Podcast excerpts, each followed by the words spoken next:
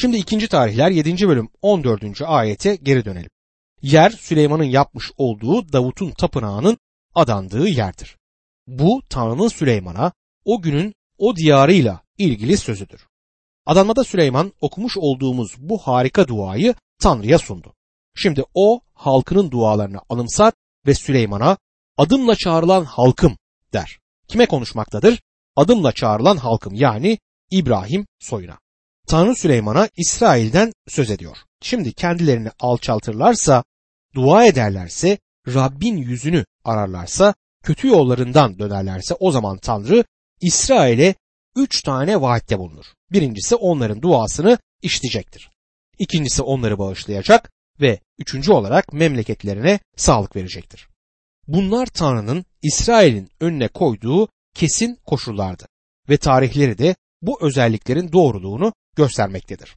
Şimdi yeni antlaşmaya gelirsek vaftizci Yahya'nın tövbe edin, göklerin egemenliği yakındır dediğini görürsünüz. Ve Rab İsa Mesih Tanrı'nın vaatlerinin yerine gelmesi için bu koşulların karşılanması için ulusa çağrıda bulunarak bunu tekrarlar. Bu geçerli olan bir öneriydi. Günümüzde İsrail halkı tüm dünyaya yayılmış durumdadır. O diyarda esenliğe sahip olamazlar. Çünkü bu koşulları yerine getirmemişlerdir. Yani kendilerini Tanrı önünde alçaltmadılar, dua etmediler, Rabbin yüzünü aramadılar ve kötü yollarından geri dönmediler. Bu nedenle de esenliğe ve barışa sahip değiller. Bu Tanrı sözünün harfi harfine yapılan bir yorumudur. Şimdi bir de uygulama konusu var. Bu ayetin benim için bir mesajı var. Tanrı bunu doğrudan bana vermedi diye bu mesajı bir kenara atamam. Bu günümüz için olan bir formülü içerir. Bugün de Tanrı'nın halkım dediği bir topluluğu vardır. Bu Mesih inanları ya da Mesih'in bedeni dediğimiz kurtarıcı İsa Mesih'i kabul etmiş olan inanlılar topluluğu yani kilisedir. Bugün inanlılar topluluğu Mesih'in bedeni Tanrı'nın da halkıdır. İsa Mesih kendisini bizim için verdi. Öyle ki bizi her tür yasasızlıktan kurtarsın ve kendisine bağlı, kendisine özgü bir halkı, sağlıklı işlere derin istek duyan bir halkı arıtsın. Titus 2. bölüm 14. ayette bunu görmekteyiz. Çoğumuzu tuhaf kişiler olarak adlandırabiliriz ama bu onun için bir halk olduğumuz anlamına gelir. Kendilerini alçaltarak sözü ilginçtir. Beden gururludur ama bize alçak gönüllü olmamız gerektiği öğüdü burada verilmektedir. Efesler 4. bölüm 1 ve 2. ayetlerde Elçi Pavlus bu nedenle Rabbin uğruna tutuklu olan ben aldığınız çağrıya yaraşır biçimde yaşamanızı rica ederim. Her bakımdan alçak gönüllü, yumuşak huylu, sabırlı olun. Birbirinize sevgiyle, hoşgörüyle davranın diyor. Aynı şekilde Galatyalılar 5. bölüm 22 ve 23. ayetlerde bize bağlılık ve yumuşak huyluluğun ruhun meyveleri olduğu söylenmektedir. Alçak gönüllülük bugün imanlara öğütlenmektedir. Ve dua edin öğüdü vardır. Yeni antlaşmada pek çok kez dua etmemiz bizlere söylenir. Rabbi İsa Mesih öğrencilerine uyanık durup dua etmelerini söyler. Mektuplar dua etmeyle ilgili sayısız öğütte bulunur. Ve yüzümü arayın ifadesi de bir yeni antlaşma öğüdüdür. Koleseliler 3. bölüm 1 ve 2. ayetlerde Mesih ile birlikte dirildiğinize göre gökteki değerlerin ardından gidin. Mesih orada, Tanrı'nın sağında oturuyor. Yeryüzündeki değil, gökteki değerleri düşünün diye yazar. Ve kötü yollarından dönsünler. Bu da bize uygulanmaktadır. Tanrı'nın imanların tövbe etmesiyle ilgili söyleyecekleri çoktur. Vahiy 3. bölüm 19. ayette ben sevdiklerimi azarlayıp terbiye ederim. Onun için gayrete gel, tövbe et diye yazar. Tövbe Tanrı'nın çocuğu içindir. Şimdi Tanrı'nın tarafından bakalım. Tanrı işiteceğine dair vaatte bulunur. 1. Yuhanna 3. bölüm 21 ve 22. ayetlerde sevgili kardeşlerim yüreğimiz bizi suçlamazsa Tanrı'nın önünde cesaretimiz olur. Ondan ne dilersek alırız. Çünkü onun buyruklarını yerine getiriyor, onu hoşnut eden şeyleri yapıyoruz diye yazar. Bağışlanacağına dair vaatte bulunulmaktadır kutsal kitapta. 1. Yuhanna 1. bölüm 9. ayette ise ama günahlarımızı itiraf edersek, güvenilir ve adil olan Tanrı günahlarımızı bağışlayıp bizi her kötülükten arındıracaktır der. Ve ülkelerine sağlık verecektir. Bu bize uygulanmaz. Yeni antlaşmada Rabbin bir toprak parçasına sağlık vereceğine dair vaatte bulunduğunu görmüyorum. Eğer Tanrı sizi işinizde bereketlemişse bu bir ekstradır. Vaat ettiği bir bereket değildir. Tanrı hiçbir yerde bizi maddi olarak bereketleyeceğine dair söz vermez. Sözü yeni antlaşmada vermez. İsa Mesih'te ruhsal berekete sahip oluruz. Yabancıydık, Tanrı'nın düşmanıydık, oysa şimdi Tanrı çocukları olduk. Mesih'in kanıyla kurtulduk ve o bizim günahlarımızı bağışlar. Vaat budur. Cennet evimiz ve yeni Yaruşilim yani cennet göksel olan vatan hedefimizdir. Cehennemden kurtulduk. Bunlar sahip olduğumuz bereketlerdir. Hiçbir yerde bir diyar ya da diyarımızda iyileşme olmasına dair bize bir vaat yeni antlaşmada yer almaz. Dostum size şunu söylemek istiyorum. 14. ayeti alıp şimdi durumumuza uygulamak istiyorsanız o zaman onunla birlikte 15. ayeti de kullanmalısınız. İkinci tarihler 7. bölüm 15. ayet ise gözlerim burada dua edilen duaya açık, kulaklarım işitici olacak der. Bu öneriyi izlemek istiyorsanız bir sonraki uçağa atlayıp Yaruşilim'e ve orada tapınak alanına gitmenizi öneririm. Tapınağın orada bile olmadığını göreceksiniz. Bu metni izlemeye niyetliyseniz Yaruşilim'e gitmelisiniz çünkü bu yer oradadır. İnsanların kutsal yazılardan bir ayeti içerdiğinden ayırıp kendilerine mal etmeye çalışmalarının nedenini anlamıyorum. Bu asla böyle olması için tasarlanmadı. Bu vaat İsrail'e tapınağın adanmasında verilen vaattir. Bize uygulanabilir olmasına karşın yeni antlaşmaya gitmek ve Tanrı'nın bize doğrudan verdiği vaatlere bakmak çok daha yerinde olacaktır. İkinci tarihler 7. bölüm 16. ayette adım sürekli olarak orada bulunsun diye bu tapınağı seçip kutsal kıldım. Gözlerim onun üstünde, yüreğim her zaman orada olacaktır diyor. Şu anda tapınak alanına bakan bir otel var. Ama burası onun yüreğine yakın olan yerdir. İkinci tarihler 7. bölüm 17 ve 18. ayetlerde sana gelince baban Davut'un yaptığı gibi yollarımı izler, buyurduğum her şeyi yapar, kurallarıma ve ilkelerime uyarsan, baban Davut'la İsrail tahtından senin soyunun ardı arkası kesilmeyecektir diye yaptığım antlaşmaya bağlı kalıp krallığını pekiştireceğim diyor Tanrı. Tanrı Davut'un soyundan gelen bir yöneticinin kralın olmayacağı bir dönem ya da zaman olmayacağına dair söz verir. Bugün yeryüzünde Davut'un soyundan geldiğini iddia edebilecek tek bir yönetici yoktur. Ama Davut'un soyundan gelen ve Tanrı'nın sağında oturan birisi var ve ona 110. mezmur 1. ayette ve İbraniler 10. bölüm 12 ve 13. ayetlerde Rab efendime ben düşmanlarını ayaklarının altına serinceye dek sağımda otur dendi. İkinci tarihler 7. bölüm 19 ve 20. ayetlerde ama siz yollarımdan sapar, kurallarımı buyruklarımı bırakır, gidip başka ilahlara kulluk eder. Taparsanız size verdiğim ülkeden sizi söküp atacağım. Adıma kutsal kıldığım bu tapınağı terk edeceğim. Burayı bütün ulusların aşağılayıp alay ettiği bir yer durumuna getireceğim diyor. Bu bugün kesinlikle çok kullanılan bir deyim hatta atasözü oldu. Artık kutsal bir yer değildir. Orada şimdi tapınak diye bir şey yoktur. İkinci tarihler 7. bölüm 21. ayette bu gösterişli tapınağın önünden geçenler hayretle Rab bu ülkeyi ve tapınağı neden bu duruma getirdi diye soracaklar diyor. Bugün orada neyin bulunduğunu söyledim. Oysa burası Tanrı'nın evinin olması gereken yerdir. Oysa şimdi buraya bir bakın. Peki neden böyle oldu? Yeryüzünün her yerinde olduğu gibi burada da dinsizlik ve putperestlik hüküm sürmektedir. Burası Tanrı'nın özellikle seçtiği bir yer olduğundan onun böyle bir şeyin olmasına izin vermeyeceğini sanmaktayız. Evet dostum işte bu tam olarak Tanrı'nın olacağını söylediği şeydir.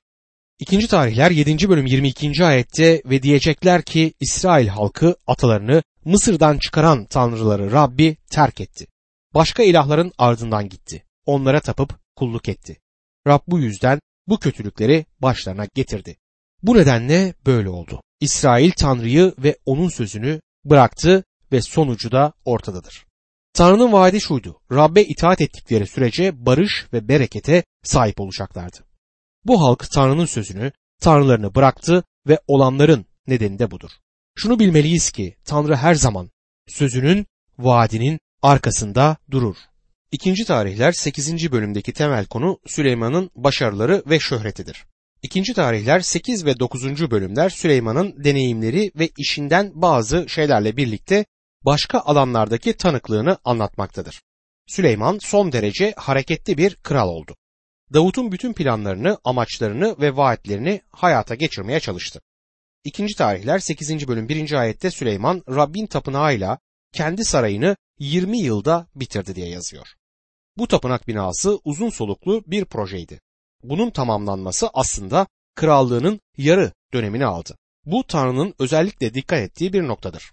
İkinci tarihler 8. bölüm 2 ve 3. ayetlerde sonra Hiram'ın kendisine verdiği kentleri onarıp İsraillilerin buralara yerleşmesini sağladı. Ardından Hamat, Sova üzerine yürüyerek orayı ele geçirdi der. Bu Süleyman'ın krallığı döneminde kaydedilen tek savaştır ve çok da önemli görünmez.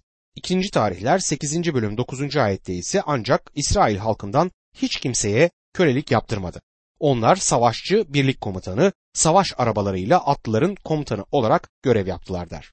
Süleyman kendi halkını orduya ve liderlik konumlarına yerleştirirken Kenan diyarındaki oymaklardan gelenleri ki onlar diyarın eski sahipleriydiler ve yok edilmemişlerdi Angarya işlerinde kullandı.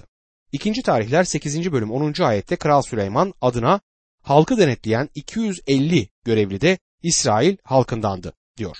Bu Süleyman'ın yaptığı ve sonradan büyük bir soruna neden olan bir konudur. İkinci tarihler 8. bölüm 11. ayette Süleyman, karım İsrail kralı Davut'un sarayında kalmamalı. Çünkü Rabbin antlaşma sandığının girdiği yerler kutsaldır diyerek Firavun'un kızını Davut kentinden kendisi için yaptırdığı saraya getirtti. Bu Süleyman'ın Firavun'un kızı olan karısıyla ilgili olarak verdiği ilginç bir karardır. Onun için Davut'un kentinin dışında bir saray yaptı. Bugün İsrail'de Süleyman'ın çeşitli ülkelerden olan bu farklı kadınlarla politik çıkarlar doğrultusunda evlendiğine dair bir yorumu fark ediyorum. Kayınpederiniz size karşı savaşma eğiliminde olmaz. İşte Süleyman'ın ülkeye barış getirmesinin yollarından biri buydu. İnsan kızının kraliçe olduğu bir ülkeye karşı savaş açmaz. Bunun Süleyman'ın pek çok karısı için geçerli olup olmadığını bilmiyorum ama kısmen de olsa doğru olduğuna inanıyorum. Ama her durumda bu Tanrı'nın buyruğuna karşı yapılmış bir harekettir. Bölümün geri kalan ayetleri tapınakla, Süleyman'ın verdiği ziyafetlerle ve Davut'un planlamış olduğu gibi atanan kahinler ve Levililerle ilgili bilgiyi aktarır. 9. bölüme gelirken bunun Süleyman'la ilgili son bölüm olduğunu görürüz. Süleyman'ın en büyük başarısının tapınağın yapımı olduğunu gördük.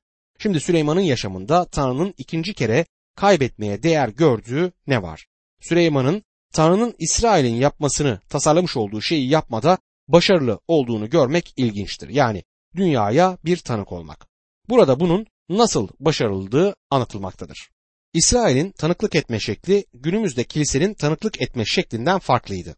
İsrail yüzünü içe çevirirken kilise dışarı döner. İsrail Yaruşilim'e tapınağa gidecek ve dünyayı oraya gelip kendisiyle tapınmaya davet edecekti. Ama kilise Yaruşilim'de başlamalı ve dünyanın dört bir tarafına gitmelidir. Bir başka deyişle kilise müjdeyi dünyaya taşımalıdır. Oysa İsrail'in dünyayı tapınakta Tanrı'nın esinlemesini paylaşmaya gelmesi için davet etmesi gerekiyordu. İsrail diri ve gerçek Tanrı'yı çok tanrıcılığın, çok tanrıların olduğu bir dünyada ulus olarak tanıklık etmek durumundaydı. Kilise ise ateizmin olduğu bir dünyada bireyler olarak tüm uluslara dirilen ve yaşayan kurtarıcıya tanıklık etmek durumundadır. İsrail Tanrı'nın verdiği amacı bir dereceye kadar yerine getirdi. Bunun kanıtında tapınaktaki tapınma aracılığıyla Tanrı'ya tapınmak ve onu tanımak için yarışmaya gelen diğer uluslardan olanların sayısı oluşturur. Kilisenin başarısı için kullanılan ölçü değneği Tanrı sözünü bugün götürdüğümüz insanların sayısıdır. Ne oranda kiliseler Tanrı sözünü alıyor ve onu yaşamlarında uyguluyorlar. Ölçü budur. Şimdi kilisede olanlarımızın eğilimi İsrail'in gayretlerini küçümsemek ve aynı zamanda kilisenin başarısını büyütmek yönündedir. Devamlı İsrail ulusunun başarısızlığını duyarız. Aynı zamanda müjdenin uzak yerlerdeki başarısının abartılı haberi verilmektedir. İkinci Dünya Savaşı'ndan sonra Çin ve Almanya'da ruhsal uyanışın olduğunu okumuştum. Bunu biraz araştırdığımda bunun uydurma olduğunu, bir uyanışın olmadığını öğrendim. Her nedense hep uzak yerlerde uyanış olur. Devamlı uzak yerlerde ruhsal uyanışın olduğunu duymamız da işin ilginç tarafını oluşturur. Ama bunu biraz araştırınca olaylara objektif ve tarafsız yaklaşılınca bunların da doğru olmadığı ortaya çıkıyor. İşin aslı şudur. Bugün inancın değiştirildiği kötü bir ortamdayız. Günler gittikçe kararıyor. Bugün hala harika kiliseler ve vaizler var ama onlar da içinde yaşadığımız zamanın zorluğunu biliyorlar. İçinde bulunduğumuz duruma hala pembe gözlüklerle bakan belirli kurumlarda korunaklı yaşamış birkaç vaiz ve öğretmenin olmasına karşın dünyada çalışanlar bugün inançtan vazgeçen ya da inancın değiştirildiği bir dünyada olduğumuzu biliyorlar.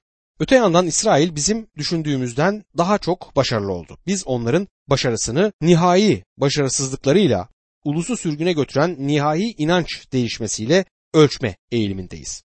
Tanrı'yı bırakmadıkları bir dönem vardı. Yaruşilim'den dünyanın uluslarına uzanan bir tanıklıkları vardı. Bir mıknatısın çekişi gibi Yaruşilim'e geldiler. Bunun en yüksek olduğu dönem Süleyman'ın dönemidir. Ulus o zaman tepeye, zirveye ulaştı sonra düşüş başladı. Kutsal yazılar bize Davut ve Süleyman'ın krallıkları döneminde diğer uluslar üzerindeki etkiyle ilgili olarak iki ayrı örnek verir. Şüphesiz bilmediğimiz daha başka örnekler vardır. Davut'un arkadaşı olan Sur kralı Hiram Tanrı'ya geldi. Tapınak için cömert armağanlar verdi. Yine tapınak için malzeme ve hüneri olan işçiler gönderdi. İkinci tarihler 2. bölüm 12. ayette Süleyman'a şunları yazdı. Yeri göğü yaratan, İsrail'in tanrısı Rab'be övgüler olsun. Kral Davut'a bilge bir oğul verdi. Rab için bir tapınak kendisi içinde bir saray yapacak. Akıllı ve anlayışlı bir oğul. Yafet'in oğullarındandı. Şeba kraliçesinin öyküsü de bize İsrail'in bilinen dünyanın ucuna kadar Tanrı'nın bir tanığı olarak ulaştığını kaydetmek için verilir. Kraliçe Ham'ın oğullarının bir temsilcisidir. İşte bu bölümde bize onun öyküsü aktarılır. Size yeni antlaşmada kilisenin ilk dönemi ve dünyaya açılışıyla ilgili olarak yalnızca birkaç örneğin verildiğini anımsatmak isterim. Ham oğullarından olan Etiyopyalı bir hadım örneği vardır örneğin. Yafet oğullarından olan Cornelius örneği yine kutsal kitapta kaydedilmiştir. Sam oğullarından olan Tarsuslu Paulus örneği de kaydedilmiştir. İkinci tarihler 9. bölüm 1 ve 2. ayetlerde Saba kraliçesi Süleyman'ın ününü duyunca onu çetin sorularla sınamak için Yaruşilim'e geldi. Çeşitli baharat, çok miktarda altın ve değerli taşlarla yüklü büyük bir kervan eşliğinde gelen kraliçe aklından geçen her şeyi Süleyman'la konuştu. Süleyman onun bütün sorularına karşılık verdi. Kralın ona yanıt bulmakta güçlük çektiği hiçbir konu olmadı. Bir başka deyişle Süleyman ona krallığının sırrını anlattı. Ona tapınağın Tanrı'ya yaklaşmaları olduğunu çünkü Tanrı'nın halkıyla orada buluşacağını söylemiş olduğunu anlattı. İkinci tarihler 9. bölüm 3 ve 4. ayetlerde Süleyman'ın bilgeliğini, yaptırdığı sarayı, sofrasının zenginliğini, görevlilerin oturup kalkışını, hizmetkarlarının ve sakilerinin özel giysileriyle yaptığı hizmeti, Rabbin tapınağında sunduğu yakmalık sunuları gören Sabah kraliçesi hayranlık içinde kaldı diye yazar. 1. Krallar 10. bölüm 24. ayette bize Tanrı'nın Süleyman'a verdiği bilgeliği dinlemek için bütün dünya onu görmek isterdi diye anlatır. Süleyman'ın bilgeliğini görmek için gelen Saba kraliçesi örneği tek bir örnek olarak verilir. İsrail ulusunun dünyaya tanıklık etmede başarılı olduğunu görebilirsiniz bu örnekte. Yakılan takdime ile Rabbin evine çıktı. Yakılan takdime yani sunu Mesih'i belirtmektedir. Yeryüzünde hiçbir ulus günah için sunulan bir takdime ile kıyaslanacak bir şeye sahip değildi. Bu kraliçeyi çok şaşırttı. Bu Mesih'e işaret eden bir sunudur. Davut Mesih ile ilgili olarak o kadar çok yazıp söyledi ki Süleyman'ın kraliçeye günahı üstüne almak için gelecek olan hakkında gerekli açıklamayı yaptığından eminim. İkinci tarihler 9. bölüm 5 ve 6. ayetlerde krala ülkemdeyken yaptıklarınla ve bilgeliğinle ilgili duyduklarım doğruymuş dedi. Ama gelip kendi gözlerimle görünceye dek anlatılanlara inanmamıştım. Büyük bilgeliğinin yarısı bile bana anlatılmadı. Duyduklarımdan daha üstünsün. Bu kadın Tanrı'nın yapmış olduklarını işittiğinde inanmadım dedi. Ama Süleyman'ın büyüklüğünü duyduğu zaman bunu kendi gözleriyle görmek için çetin bir yolculuk yapacak kadar imanı vardı. İnanın bu o günün koşullarında çok zor bir yolculuktu. Havaalanına gidip onu gideceği yere iki saatte götürebilecek bir uçağa binemezdi. Ateş gibi yanan çölde büyük olasılıkla iki ay süren bir yolculuk yaptı. Bütün bunları bu adamın hikmetinden ve Tanrı'ya yaklaşımından bir şeyler öğrenebilmek için yaptı. İşte bundan dolayı kendisinde can kalmadı. Görünceye kadar inanamamıştı. Şimdi onu dinleyin. İkinci tarihler 9. bölüm 7 ve 8. ayetlerde ne mutlu adamlarına Ne mutlu sana hizmet eden görevlilere. Çünkü sürekli bilgeliğine tanık oluyorlar. Senden hoşnut kalan, adına egemenlik sürmen için seni tahta oturtan Tanrın Rabbe övgüler olsun. Tanrı'nın İsrail'i sevdiği, sonsuza dek korumak istediği için adaleti ve doğruluğu sağlaman için seni İsrail'e kral yaptı diyor. Bu kadın şimdi Tanrı'ya hamd eder. Rabbimiz ondan söz ettiğinde Matta 12. bölüm 42. ayette Güney Kraliçesi yargı günü bu kuşakla birlikte kalkıp bu kuşağı yargılayacak.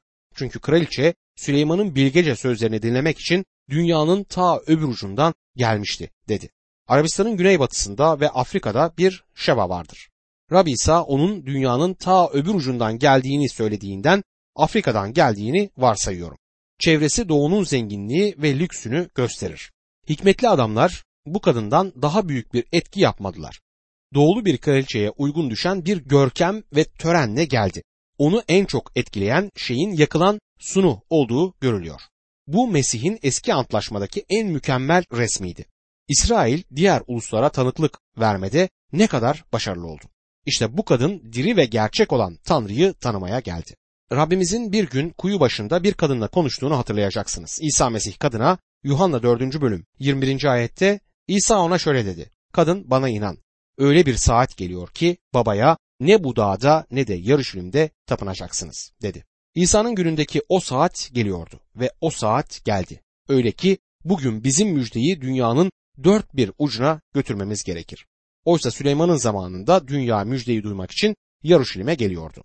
Süleyman'ın görkemi ve gösterişini önümüzdeki ayetlerde görüyoruz. İkinci tarihler 9. bölüm 22 ve 23. ayetlerde Kral Süleyman dünyanın bütün krallarından daha zengin, daha bilgeydi.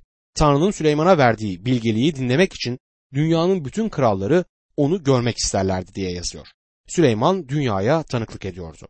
İkinci tarihler 9. bölüm 25. ayette Süleyman'ın atlarla savaş arabaları için 4000 ahırı 12 bin atlısı vardı. Bunların bir kısmını savaş arabaları için ayrılan kentlere bir kısmını da kendi yanına Yaruşilim'e yerleştirdi diye yazar. Bu olay bu adamın karakterindeki kusuru açığa çıkartmaktadır. Musa'nın yasasına göre kralın at ve eşlerini çoğaltması yasaktı. Süleyman her ikisini de çoğalttı. Megiddo'daki en etkileyici şeylerden biri Süleyman'ın orada sahip olduğu ahırların harabeleridir. Başka yerlerde de ahır harabeleri vardır. Gerçekten atlarını çoğalttı. İkinci tarihler 9. bölüm 26 ila 28. ayetler arasında Fırat ırmağından Filist bölgesine, oradan da Mısır sınırına dek uzanan bölgedeki bütün krallara egemendi. Onun krallığı döneminde Yarışlim'de gümüş taş değerine düştü. Sedir ağaçları Şefela'daki yabanıl incil ağaçları kadar bollaştı.